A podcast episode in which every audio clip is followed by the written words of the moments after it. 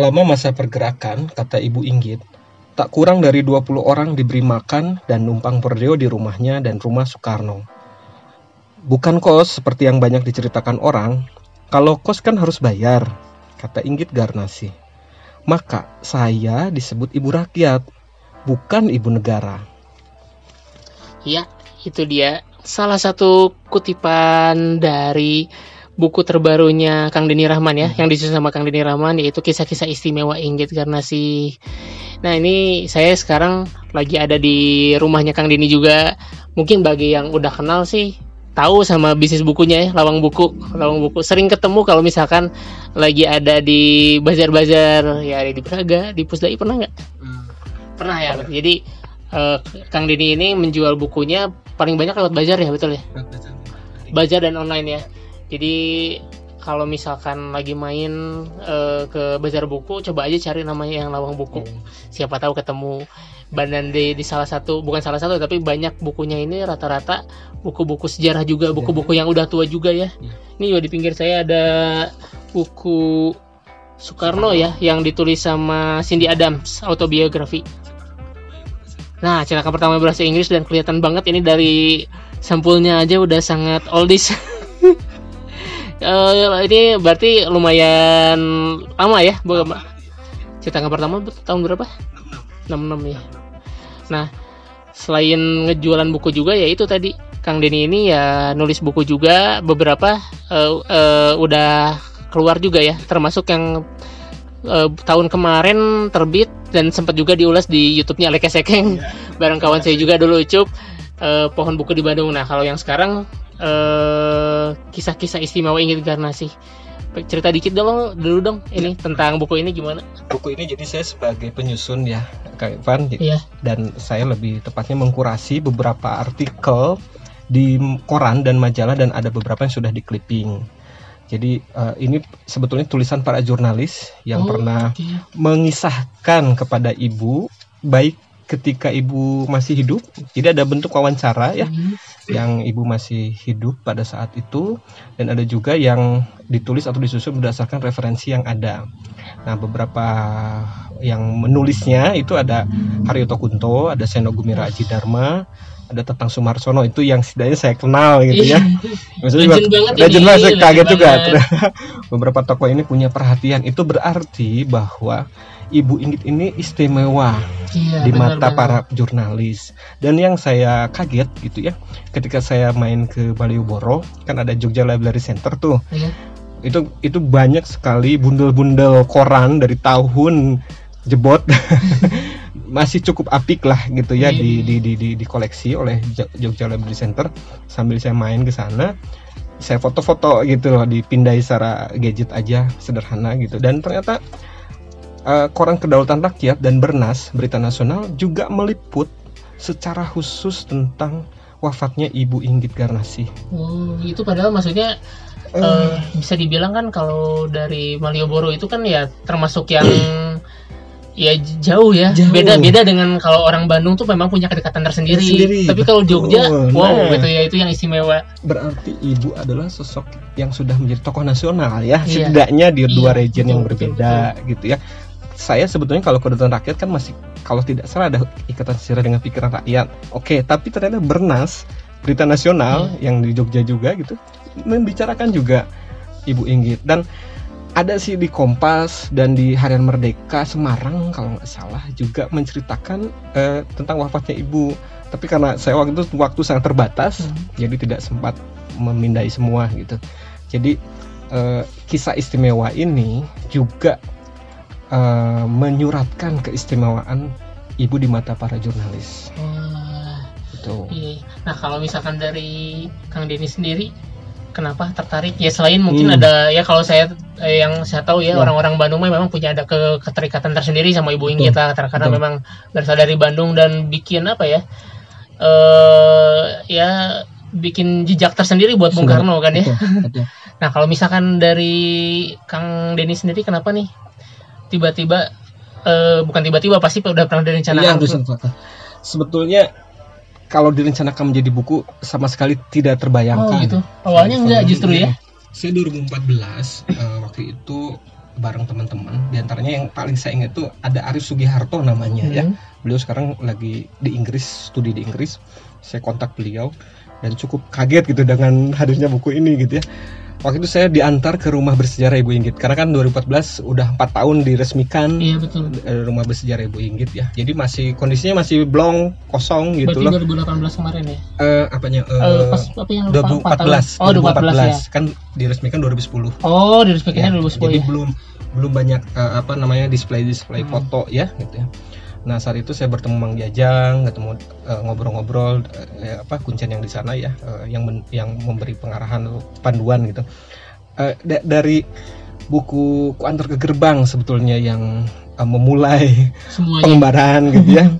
Ah, siapakah seorang Inggit ini gitu ya. Kemudian saya lompat lagi ke belakang 2007 saya sempat menghadiri eh, peluncuran buku Perempuan dalam Hidup Soekarno biografi Inggit Garnasih karya Oh. Reni Ar Reni duh Lupa. ya itu karya Mbak Reni yang tinggal di kuliah di Jogja ya. Hmm.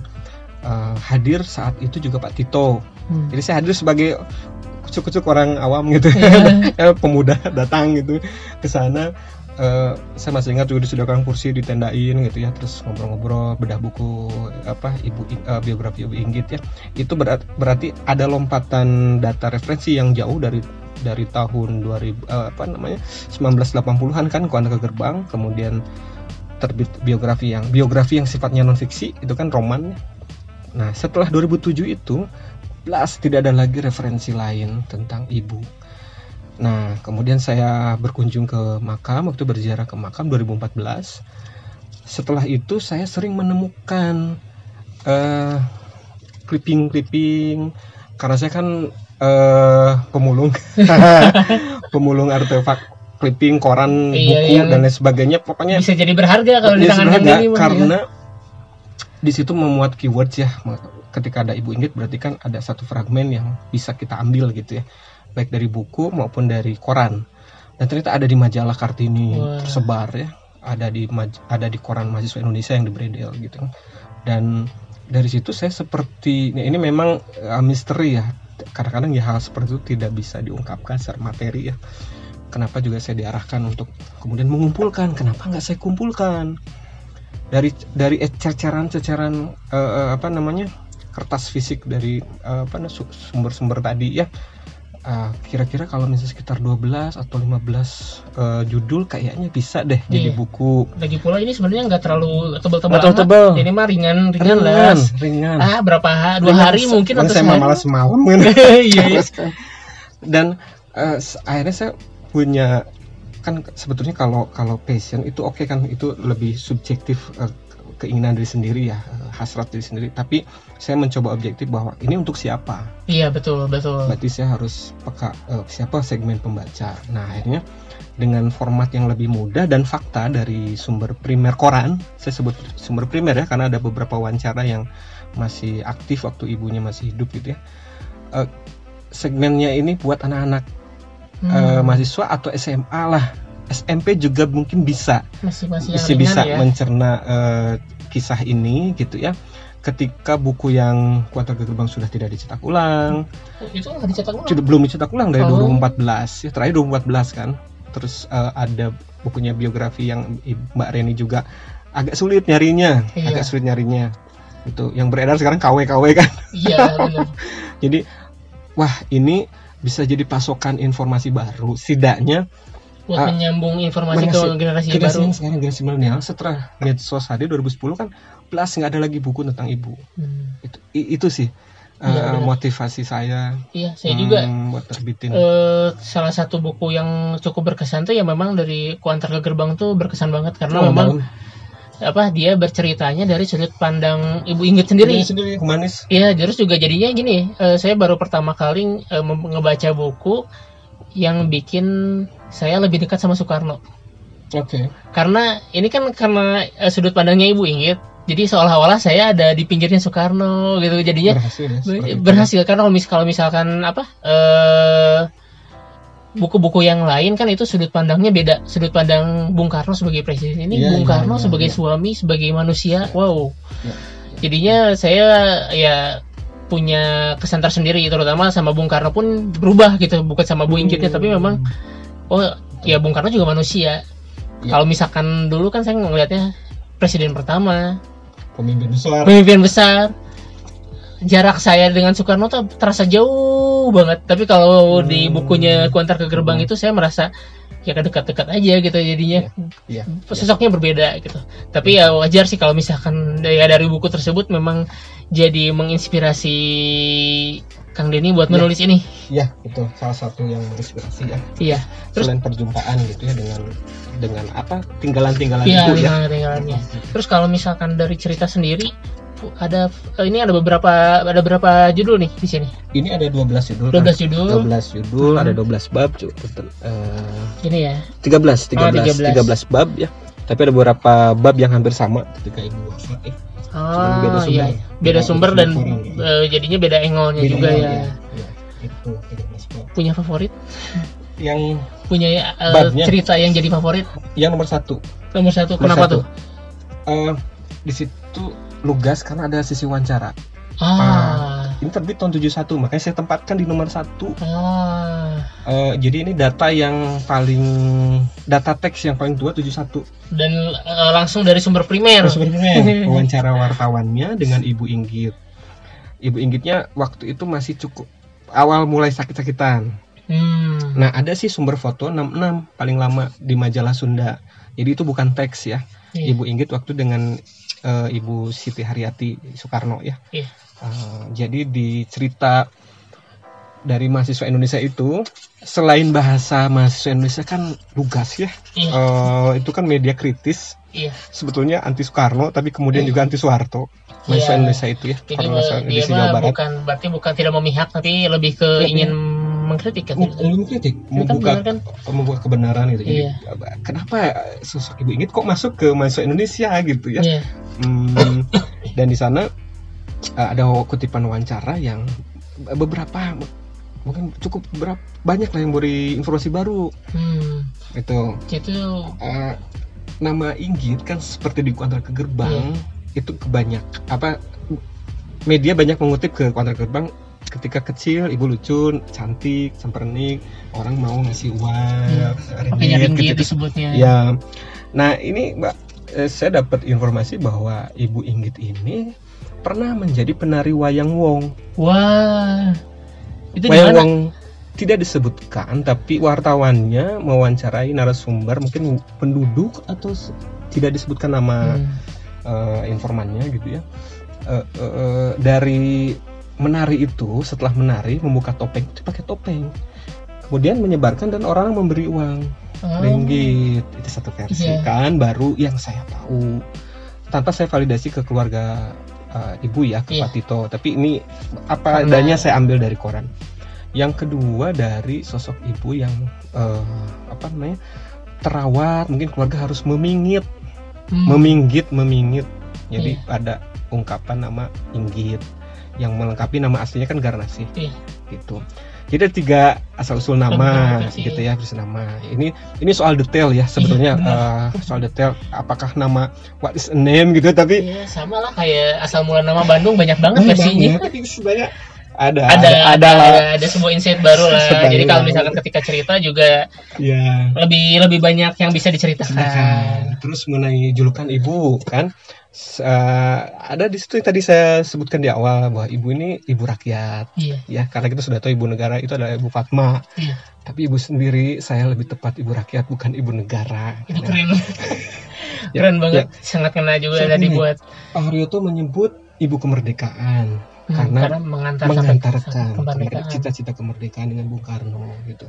Terus eh duh saya jadi lupa intinya ada beberapa informasi eh, di yang nomor satu ini yang cukup istimewa lah gitu ya di- diceritakan oleh Mas Yonis. Wartawan tidak disebutkan, tidak menyebutkan nama mungkin eh, apa wartawan apa namanya tim gitu ya. Jadi disebutkan aja judul dan foto lah gitu. Itu Kang Evan. Jadi cukup cukup kaget lah ada Jadi ada. ya pokoknya dapat informasi baru sih kayaknya kalau Iya. misalkan bisa baca ini. Terus ada PR ya, ada yang PR tahun sebelum meninggal ibu ada di situ. Hmm. Eh, Oh iya pikiran rakyat ini ini ya. foto Pak, 82. ya kan Pak Paul Teja Surya, fotonya dari Pak Paul. Hmm. Pak Paul ini kan yang terkenal fotografer PL ya, PR ya, yang pernah diterbitkan yang konferensi Asia Afrika itu. Eh, juga diceritakan mengenai eh, nama jamu Pancasila katanya kan Hmm. nama nama jamunya dikasih nama jamu Pancasila Nama jamu yang jamu yang dibuat oleh Ibu Inggit Oh. Jadi Ibu Inggit kan- keren. eh memang eh, sosok Wanoja Sunda yang mandiri ya. Iya. Eh, sehari-hari ibu harus bagaimana dapur harus sembul gitu ya. Jadi usahanya adalah membuat bedak, jamu, eh, menjual pakaian dalam, menjual rokok dan salah satu jamunya yang ibu ju- beri juluk, dijuluki jamu Pancasila. Eh, rada juga ini unik nih gitu ya. Aneh. keren juga nih. Terus ngasih nasihat ke ibu-ibu yang berkunjung. Jadi ibu ini jadi sering jadi tempat panarosan, patarosan Iya. para ibu-ibu muda bagaimana tips-tips rumah tangga yang sakinah mawadah warohmah.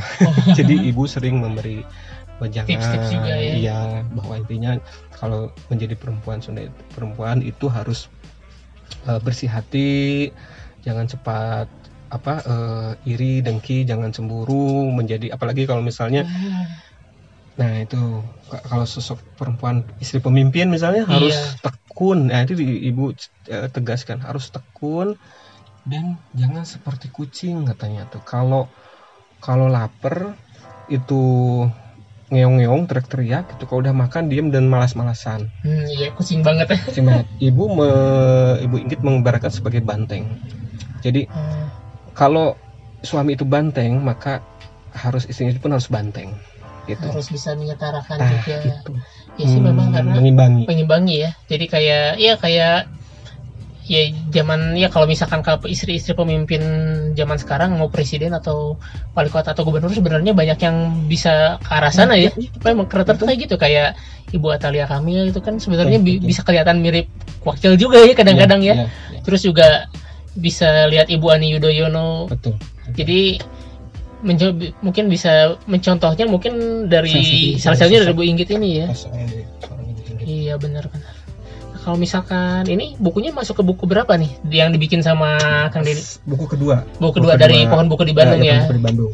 Terus gayanya juga hampir mirip kalau misalkan saya lihat dari gaya layoutnya ya. Lihat ya. Jadi maksudnya kadang-kadang ada ada potongan koran di Iya, tengah-tengahnya. iya, betul, betul. Saya memang Ciri khas. mengutamakan sumber primer langsung masuk Oh. gitu ya tanpa diedit ya tanpa diedit. Kalau yang pohon buku kan kronik yang masuk ya itu koran banget. Hmm. Kronik kan dari ambil dari koran gitu. Eh, apa detail-detail per hari ada kegiatan buku ya Iya. Gitu. Nah kalau ini agak mundur dikit ya kita Iya. cerita uh, tentang po- uh, buku pertamanya pohon buku di Pohon Bandung. Pohon buku di Bandung itu uh, sebenarnya saya juga udah baca Ya, sih, iya. cuman mungkin dari Iya. versinya Kang Denny ini Iya, iya, iya. itu sebenarnya cerita apa? Pohon buku di Bandung itu ada tagline kecilnya sejarah komunitas buku tahun 2000-2009. Hmm. Jadi saya memotret, saya motret ya. Iya benar-benar mau Jadi bukan menuliskan secara esai panjang atau Iya. dalam. Jadi memotret sebuah eh, sebuah potret fenomena, ya? Ya, fenomena literasi, terutama toko buku alternatif yang saya Iya. yang saya soroti ya, yang saya potret, eh, yang di tahun tersebut ya 9 atau 10 tahun deka satu dekade itu eh, muncul keunikan dari segi eh, basis komunitas. Hmm. Nah, karena ceritanya atau analogi saya pohon, maka itu berarti ada anatomi pohon, Iya. mulai dari kultur tanah, Akar, dahan, batang, daun gitu ya.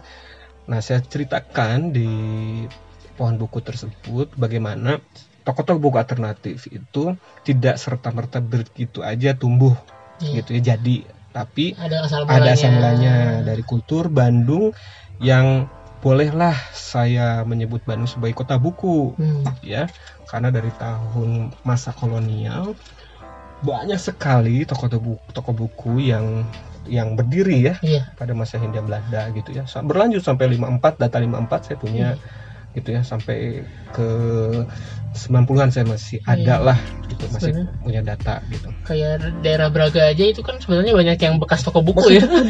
Kayak toko buku Jawa, terus toko Betul. buku Interverse, Interversity, iya.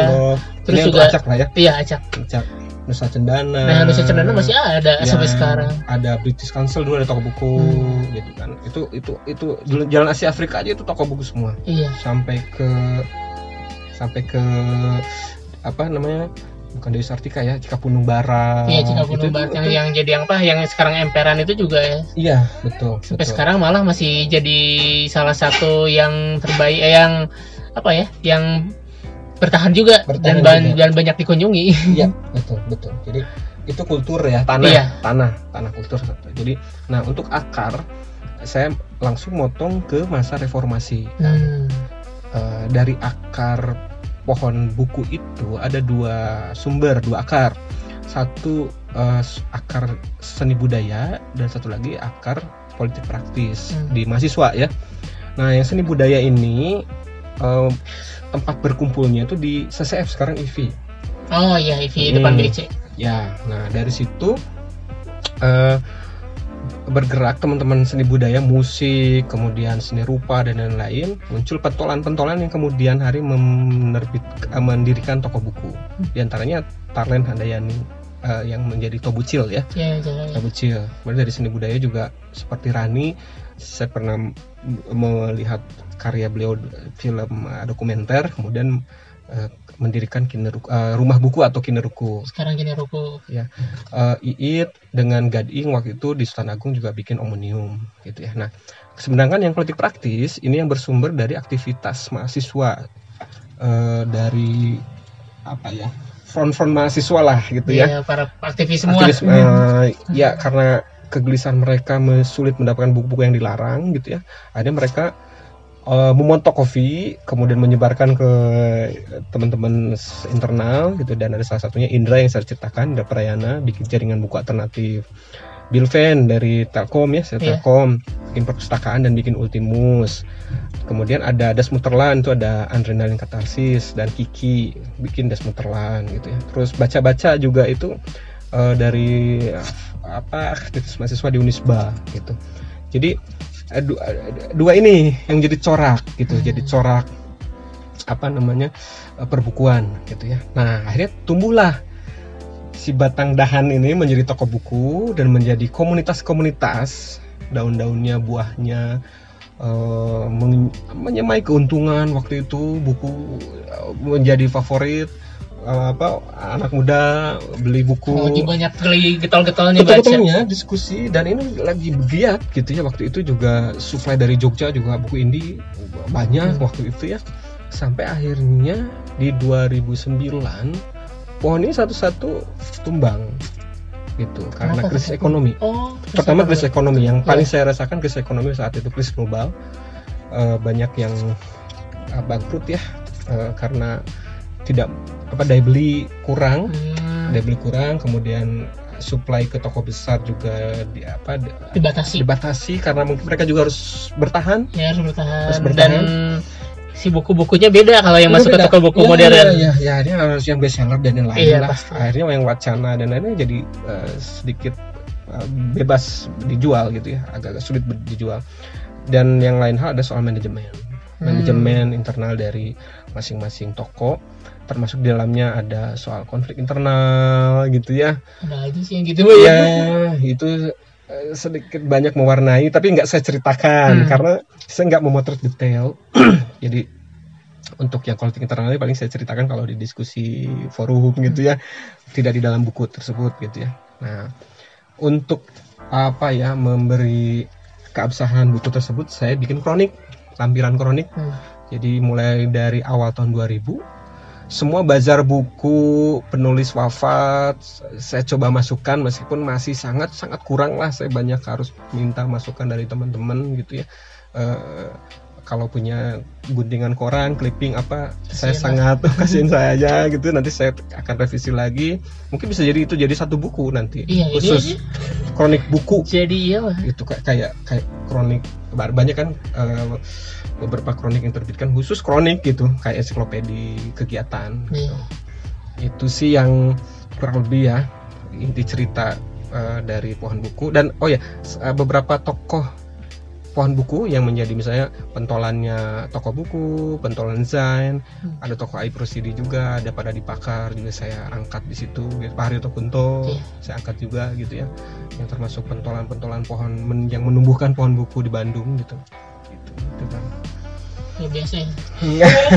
Tapi berarti karena uh, salah satu alasan kenapa bikin kayak gitu juga karena Kang Dini berada di dalamnya ya. Saya berada di dalam. Berada di dalam. Saya berada di sistem. Saya posisi waktu itu sebagai pema, apa uh, supplier ya, sebagai distributor buku dan posisi distributor buku punya data toko mana saja yang disuplai. Hmm, wah Maksud, itu data ya. yang sangat kaya. Faktur dan lain sebagainya. Terus saya kenal orangnya, siapa aja yang bangkrut, siapa aja yang bertahan. Ini berarti dari awal ya uh, Kang Deni beres mungkin beres studi udah mulai berkarirnya di buku gitu ya saya justru pasti mah pada saat studi sudah sudah di buku oh, sudah dagang buku, buku. Ya, sudah, sudah dagang buku, buku dari mulai dari kuliah kuliah wow kuliah. Kuliah terus uh, jadilah sekarang lawang buku masih bertahan ya. ya tapi dari dulu udah lawang buku atau beda nama uh, wacana dulu namanya toko buku wacana wacana, wacana karena uh, apa idiom-idiom reformasi iya ya, iya masih kan. wacana kan, terus juga hmm. tapi uh, nyeleneh sih dan gampang diingat juga. Sebenarnya itu ada jurnal terus kemudian ada nama penerbit wacana tapi ah ya udah saya ganti aja nama jadi lawang buku gitu. Tapi saya juga nggak tahu kenapa kepikiran dulu lawang buku ya gitu ya. sampai akhirnya bikin logo ah, akhirnya ya mungkin salah satu transfer keluar masuk ilmu lah intinya iya jadi lawang gitu ya jadi terbangnya juga gitu ya, ya Nah, terus kalau misalkan uh, si lawang buku ini berarti dari, dari tahun berapa nih? 2001. 2001. Wow. Ya. Wow, udah 20 tahun. Hampir 20 ya, tahun kan? 2021 ya? Iya, hampir 20 tahun ya. Baru nyadar juga nih kan ini. Luar biasa. Tapi dulu pernah ada ini kan uh, sekarang uh, jualannya bazar tuh bazar sama online. online Tapi ya. dulu pernah ada ber, berdiri toko secara offline-nya yang bisa didatangin orang. Uh, gimana gimana uh, ada pernah ada hmm. si lawang buku ini pernah ada toko buku oh, offline pernah pernah uh, periode yang 2011 saya supplier hmm. uh, dan keliling ya waktu itu saya keliling keliling dari Bacar ke Bajar 2010 2016 di Baltos pernah ya itu saya pernah dengar sih di Baltos. itu yang offline ya toko toko buku kopdar lah bisa ketemu di sana nah 2016 sekarang saya lebih banyak online sama kembali lagi ke bazar online dan bazar dan plus nulis hmm. plus nulis jadi memang saya udah niatkan uh, di harus berkarya juga ya?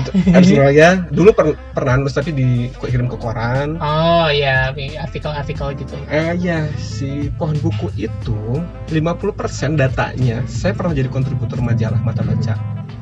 Nah 50% isi dari pohon buku itu dari mata baca yang sudah tutup.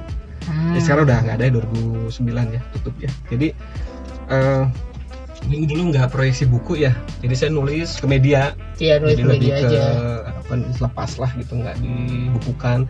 Nah baru mulai mendokumentasikan apa namanya eh, sebaran-sebaran artikel tadi jadi buku. Karena mungkin buku lebih apa ya lebih apa kan lebih kompak ya? Kompak lah terus bisa ya bisa disimpan jadi Simpen, sebuah dokumentasi pribadi juga. Betul sebagai portofolio sebagai bentuk sumbangsi saya beberapa tahun ke belakang di literasi ditambah dibantu oleh Kak Irfan teman-teman digitalisasi ya lewat YouTube lewat podcast itu lebih tambah awet lagi. Iya benar. Itu kalaupun saya cuplikan nanti mau di podcast lagi mangga kang iya siap siap, siap. menjuarakan literasi ya sekarang mah harus ini ya harus getol juga nih karena kan memang ya kan? udah mulai turun ya. Gini kan terakhir tahu kan uh, taman bacaan Garuda? Tahu itu lagi lagi booming beberapa, Trend, beberapa ya, bukan hari. lagi viral. Iya lagi viral. Saya melihat itu bad news is a good news ya. Maksudnya saya cukup yang sering mengalami cerita-cerita sedih. Ya gimana pun tuh buat saya cerita sedih. Iya. uh, reading lights tutup iya, lawang betul. buku sendiri tutup di Baltos iya. gitu ya uh, kadang saya berpikir cukuplah gitu cerita-cerita uh, sedih itu kita bikin skema baru cerita baru dan tadi ya perlu keuletan lagi mungkin perlu media-media baru gitu ya iya. uh, supaya gimana caranya uh, literasi ini tetap eks, uh, eksis uh, eksis bertahan dan terlebih harus berkembang. Iya itu iya. Saya dapat pembenaran dari bukunya Atep Kurnia yang Google Googling Guten- Gutenberg Iya. bahwa ada kutipan dari Umberto Eco Eh, buku itu tidak akan punah wah saya Iya senang sih. banget gitu Iya. ya buku tidak akan punah karena prinsipnya literasi itu seperti spiral kan Hmm. ada tiga fase kelisanan pertama keberaksaraan dan kelisanan kedua seperti Hmm. podcast ini adalah kelisanan kedua buku ini akan terus ada dan ada masa emas lagi nanti Udah hidup. hidup lagi terus jadi tidak hanya bentuknya bukan linear Iya. tapi lateral gitu nah dari pembenaran itu saya jadi memberi keyakinan gitu bahwa eh, bisa hidup dari buku tapi memang Kang memang rada ada disebut berdarah-darah tema atau Iya. tidak tidak mungkin terlalu dramatisir lah Iya. apa ya perlu usaha keras Perlu usaha keras.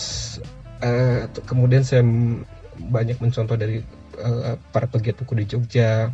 Mungkin M. Dahlan juga bilang 3D daya data dana. Hmm. dana Kang. Jadi kita harus punya strategi dana untuk gimana caranya buku ini. Ini ini pergerakan mandiri ya Iya, tanpa ada benar-benar. bantuan pemerintah atau dari luar ya.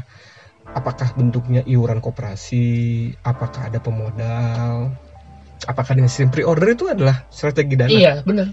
Strategi Karena dana kan memang dimodali oleh para iya jadi pembeli. solusi juga benar. Jadi solusi juga cetak juga sekarang bisa print on demand atau cetak 200 minimal Hmm. akhirnya bisa masuk royalti ke penulis juga terjangkau terbayar tidak ada kezoliman untuk eh, ke penulis tidak Iya. ada nasibnya misalnya kan jadi oh ya pola-pola efisien praktis itu bisa dipakai. Toko buku bisa online bisa marketplace. Meskipun jujur tidak menutupi gitu tapi fenomena Ya sekarang lumayan lah, tapi harus bisa bisa adaptasi juga. ya. adaptasi dengan ada sekarang fenomena toko buku keliling. Itu saya Iya. sebut toko buku keliling. Jadi kayak book bed wolf ya. Itu fenomena. Wow, fenomenal itu. Itu fenomena dan Fenomenal. kayaknya sangat bikin orang bergairah buat betul beli itu kan buku. sistem satu kasir Iya. para supplier titip gitu ya tidak perlu bayar stand istilahnya hanya bagi hasil dari sana Dan, eh, beberapa yang kecenderungan sepola lah saya tidak mau menyebut itu meniru ya. ada Liga Buku Bandung Iya. gitu di Jogja ada Moco ah, musik eh, Pacar Merah Iya. Oh, ada mulai kampung buku Jogja ada sistem satu kasir satu kasir para pelapak tidak usah jaga karena ada, panitia Eh, di situ terbentuk pasar yang baru konsumen baru yang sa- saya pernah waktu ke Liga Buku Bandung kan saya ikut eh, memasok ya Iya. hampir orang-orang yang tidak pernah bukan etak keneh gitu Iya. orangnya ya jadi saya wah orang kantoran pelajar yang nggak pernah datang ke Braga Iya. ke pameran yang di Braga Oh iya, jadi benar-benar pasar baru pasar, ya. pasar yang baru gitu Iya. Unik juga dengan waktu seminggu eh, pendapatan sangat lumayan gitu, tanpa kita harus bayar stand Hmm. ini asik gitu maksudnya ah ini kayak gini gini gitu Iya kayak gini eh, inovasi baru gitu iya kan. iya mungkin bisa kan itu toko buku keliling Iya. istilahnya kan keliling kan nggak ada tempat udah seminggu beres Iya benar. gitu. Kalau di Big Bad Wolf masuk juga nggak waktu sempat atau Eh, belum? belum belum Belum, ya? belum sekarang kan juga eh, Mizan juga bikin out outbox ya kalau salah. Apa sih? Outbox ya outbox. Bikin juga di tempatnya Mizan ya di kalau salah. tapi kabarnya akan keliling, Keliling juga. Eh, karena ini keperhatian dari perbukuan itu harga sewa toko Bandung ya. Hmm. ini perlu dicatat garis tebal. Warna merah gitu kan. Sewa yang semakin mahal kang. Iya benar. sewa yang semakin mahal. Eh, dana tadi yang kita usahakan itu kalau misalnya untuk menutupi tempat itu tidak Berat, berat berat berat berat, banget. berat banget berat banget margin di buku itu kan juga tidak banyak kalau untuk buku Iya. baru ya kalau untuk buku lama saya subsidi silang Iya. Ini juga yang saya lihat kalau misalkan ini saya, main beberapa hari yang lalu juga saya coba main ke Gramedia Gramedia Merdeka yang depan BIP. iya iya Sekarang kalau misalkan saya lihat jumlah bukunya justru berkurang. Oke oke oke. Oke, setelah direnovasi kan sempat eh, beberapa bulan lalu direnovasi tuh. Iya, ada yang iya, tutup iya, iya. beberapa bagian di bagian tokonya. ya ya ya Ternyata sekarang ya paling dari satu gedung yang gede itu gitu paling cuma 50 persennya isinya buku. 50 persen lagi. tenan ya?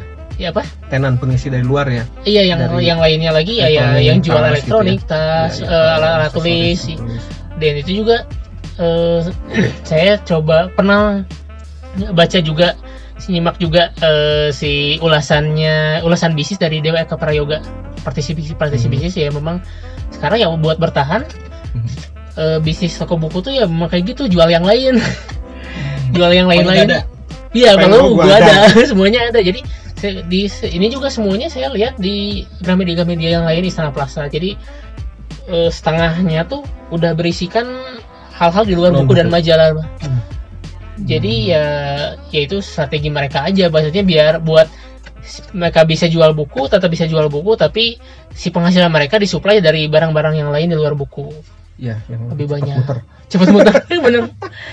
Jadi ya gimana caranya lah itu malah. Ya. Tapi kalau misalkan saya soal buku sendiri saya yakin sih ini tidak akan oleh waktu karena memang betul, betul. saya pribadi lebih senang pegang buku dibandingin pegang ebook. Oke oke PDF dan PDF uh, pusing dan pertama pusing bacanya dan lebih nyaman aja dan apa ya?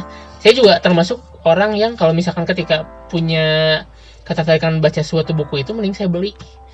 Oke oke. Okay, okay. Pertama mengapresiasi penulis. Yeah yang kedua juga uh, lebih ke apa ya beda ketika saya pegang itu dan baca beda dibandingkan ketika uh, ini balik nah. lagi minjam minjam ke oh. balik lagi ke pemiliknya itu beda beda, beda rasanya di rumah juga ya jadi jadi ada perbandara ada warisan yang bisa saya turunin nanti mungkin udah mm-hmm. punya anak mm-hmm. jadi mm-hmm. ada yang bisa saya wariskan juga amin amin gitu seru sih kalau misalkan ngobrol soal, soal tentang buku sendiri ya tapi kalau uh, untuk ke depannya sendiri ada rencana lagi buat bikin buku tertentu uh, ada beberapa yang uh, masuk agenda tahun ini ya yeah. Iya. uh, tapi kalau saya sih sekarang sudah mulai memikir hulu hilir ya jadi yeah. ketika menerbitkan kira-kira segmentasi pasar siapa segmentasi pembaca siapa bagaimana memasarkannya gitu ya nah mudah-mudahan sih masih ter ter ada daya dan ada dana gitu. Data insya cukup amin, data cukup. Kalau data cukup uh, mungkin nggak muluk-muluk lah dua lagi buku akan terbit gitu ya. Uh, dan saya termasuk orang yang tidak ribet dengan ISBN ya kayak Irfan. Hmm. saya terbit terbit aja gitu ya. Uh, sebelum saya juga mungkin lekang otak saya atau data saya juga hilang atau gimana mending terbitin aja dulu. rekam dulu lah terbitin aja mangga silahkan gitu ya uh, nanti uh, pembaca yang menilai gitu ya. Kalau untuk temanya sendiri apa? Kan uh, kemarin ini ada beberapa tapi belum di fix ya. Tapi yang ada kerja komunal kolektif salah satunya adalah menerbitkan uh, dua dua puluh tahun rum, rumah eh dua windu uh, rumah baca buku Sunda oh, okay. yang uh, Wasas Mika ya. itu uh, kemudian ada ada buku tentang marhainisme hmm. yang saya coba kumpulkan gitu ya uh, yang lainnya ada tentang kutip apa bukan kutipan ya clipping-clipping tentang pram ya hmm. yang mungkin belum diangkat di beberapa pramudia ya hmm. yang belum diungkap di beberapa buku yang tentang mengangkat pramudia gitu hmm. ya ada satu buku Bandung juga yang hmm. mau saya terbitkan Uh, mudah-mudahan yaitu dari 5 4 atau 5 judul yaitu tadi harus melihat sisi iya. karena itu ya siasat siasat tadi ya itu harus harus penting sekarang. Iya benar. Ya, saya nggak mau terjebak di lubang yang sama gitu. Iya jadi jangan sampai kayak nasibnya kayak beberapa toko buku yang tutup yang kemarin. kita sana kita produksi kan mengeluarkan banyak tenaga dana dan lain-lain. Jadi itu juga. ya, waktu dan lain jadi harus efektif lah. Ya harus efektif. Dan juga ya pentingnya mungkin harus up to date juga ya dengan juga. dengan betul, dengan keadaan betul. sekarang. Ini pasarnya kayak gimana betul, dan cara betul. pengemasnya kayak gimana Pengemasnya, cara memasarkannya kayak gimana. Ini aja kayak ibu ya ibu Inggit ibu ibu Inggit kan uh, serapannya sekitar 15 persen hmm. jadi kan saya nyetak 200 ya. itu di PO itu ada ada permintaan udah 40 gitu ya hmm. di PO aja. Oh kurang lebih begitu. Itu udah Jadi, bisa ngebaca pasar ya? Minimal nggak blast apa nggak blank nol banget yang mesen iya. gitu. Atau ngapain sih nerbitin ini gitu kan? Minimal ada satu daya tarik orang yang orang butuhkan tentang apa yang kita terbitkan gitu. Ya ada sisi idealisme yang betul-betul mungkin tidak melihat sisi komersil ya saya lebih cenderung itu kerja kolektif nanti misalnya pendananya udunan gitu hmm. ya seperti rumah baca buku Sunda ini mungkin gagasannya nanti akan iuran gitu Nah, kalau terakhir nih buat teman-teman yang misalkan mau beli bukunya Inggit Garnasi ini sama pohon buku di Bandung mungkin masih ada ya stoknya? Masih ada dua lagi. Dua lagi, sedikit lagi. ada sih di toko. Oh, ada di toko ya. Ya kan disalurin juga mungkin ya ke toko-toko Eh, lain tapi selain buku. salurinnya saya tradisional sih karena Iya, ke teman-teman aja. Di Tobucil ada, di teras buku di Ledeng ada, di Cibiru di Kebul Buku, di Bintaro Barokah di UIN Iya. itu ada pesan ke Lawang Buku juga di Instagram Lawang Buku masih ada kok. Masih bisa ya. Ya, bisa ke Instagram Lawang Buku aja. Yang Inggit Garnasi berapa? Kebo apa pohon Hmm. buku di Bandung berapa? Terus pas mau mesen ke mana? Berapa harganya? Iya berapa harganya harganya? Pohon buku itu saya jual 75.000 Hmm. eh, karena nyetak sedikit dan banyak foto sih sebetulnya itu Iya berat sih. berat dicetak sebetulnya Iya. biaya cetak kalau ibu ingat ini 45.000 mudah-mudahan terjangkau anak SMA ya jajan lah Iya. Jajan dua kali makan kali ya kali makan Jangkau lah ini mah. fast food gitu Pasti di bawah yang mau di bawah 50 udah 20, termasuk yang terjangkau. terjangkau SMP atau SMA lah mahasiswa mah insya Allah bisa lah beli gitu ya eh, untuk sambil ngopi gitu Dan juga ini sebenarnya kalau buku Inggit Garnasi ini termasuk yang cukup populer. Maksudnya temanya populer yang diangkat ya. Populer ya Termasuk Ya, yang populer betul, banyak betul. orang yang nyari gitu. Ya, ya. Karena ada ya terutama kayaknya di Bandung tuh pasti bakal punya apa ya rasa keingintahuan buat mengenal sosok eh, Ibu Inggit lebih dalam tuh pasti ada gitu. pasti ada ada betul ya. karena sifat ibu yang unik ya Iya, eh, punya ya inggit ini yang bikin orang tertarik iya itu dia. inggit ininya garnasinya juga hegar dan asik jadi dari sifatnya yang apa segar dengan ide-ide keluasan Dan hati tentunya keunikan cerita bareng sama Bung Karno-nya iya iya. itu sesuatu yang apa ya? Saling melengkapi saling ya ada ada senang mirisnya juga sedihnya juga gitu ya. jadinya kita eh, benar-benar tertarik sama sosok ibu Inggit ini. Iya iya. Mudah-mudahan mudah-mudahan langgeng nih terus dalam apa ingatan publik ya ingatan masyarakat gitu ya bahwa Indonesia Bandung punya seorang sosok ibu Inggit gitu ya kalau nah, kalau misalkan mau beli di lawang buku ini Iya. gimana nih caranya ya kedua buku ini atau misalkan buku-buku yang lain nih soalnya buku-bukunya ini banyak banget yang Oh, ya. sangat langka kayaknya Ya. orang-orang juga banyak yang tertarik bisa banyak yang tertarik Eh, saya sih buka dua jalur. Iya. Eh, pertama di daring ya, daring ini ada Instagram, lawang Iya. buku, kemudian ada di marketplace, di eh, Bukalapak ada LB Bookshop, LB Bookshop, Oh, kemudian di Tokopedia ada ABC All Store itu semua macam-macam gak cuma buku. Saya niatnya gitu ya. oh gitu AB, ABC All Store Ah. sama di Shopee, sama Shopee. Shopee juga ABC All Store. memanfaatkan channel modern juga Eh, berarti. juga harus ya, Harus harus, sih. ini itu kan sama dengan toko Iya. ya kita taruh display awet tidak diretur gitu. tapi itu eh, yang dari sana ya banyak yang nyari nyari juga buku-buku lama. Eh, banyak banyak. Banyak. banyak respon aku. Eh, belum belum. Maksudnya tidak banyak dan Iya. arti masif ya. Tapi ada. Ada aja. Ada. Karena kalau di marketplace orang lebih tetap melihat yang harga. Oh, harga, harga. harga. harga yang pertama. Kalau kompetitif murah iya. dibanding lain terus asli dan kedua baru kelang ke, selanjutnya kelangkaan. Oh iya. Berarti berarti ini harus lihat-lihat dulu yang lain jual berapa ya baru kita nyentuhin harga. Iya iya iya. Benar benar benar Nah, itu yang daring bisa juga lewat WhatsApp 0856 29950. Saya ulangi 0856 29950 atau untuk yang event. Jadi ada dua jalur. oh ada yang iya. daring dan event. Nah, kalau event saya selalu update, saya infokan terkini di Instagram. Instagram. Eh, saya nih mau melapak nih di Unpar, iya iya. Di Gerlong kemarin gitu kan, bikin yuk jajan buku. Nah, nanti pada merapat, ya gaya-gaya sama Ici lah. Iya, tapi sekarang iya, gaya-gaya Maici udah banyak ditiru. Udah ditiru, Oh, tapi ya- udah nggak ya. unik lagi. Eh, apa namanya? Tapi sistem menyemut itu kan ya iya masih bisa dipakai. masih bisa dipakai buat ya untuk misalkan ya ketika ada dana terbatas Ya, belum betul. bisa iklan kan otomatis kayak gitu Bukan yang belum punya toko tetap. iya kan kalau sekarang. Maici udah ada di Indomaret di supermarket Ya, udah ada ya, sekarang Ya, dia udah disebar ya iya dalam bentuk fisik gitu langsung bisa COD lah gitu ya.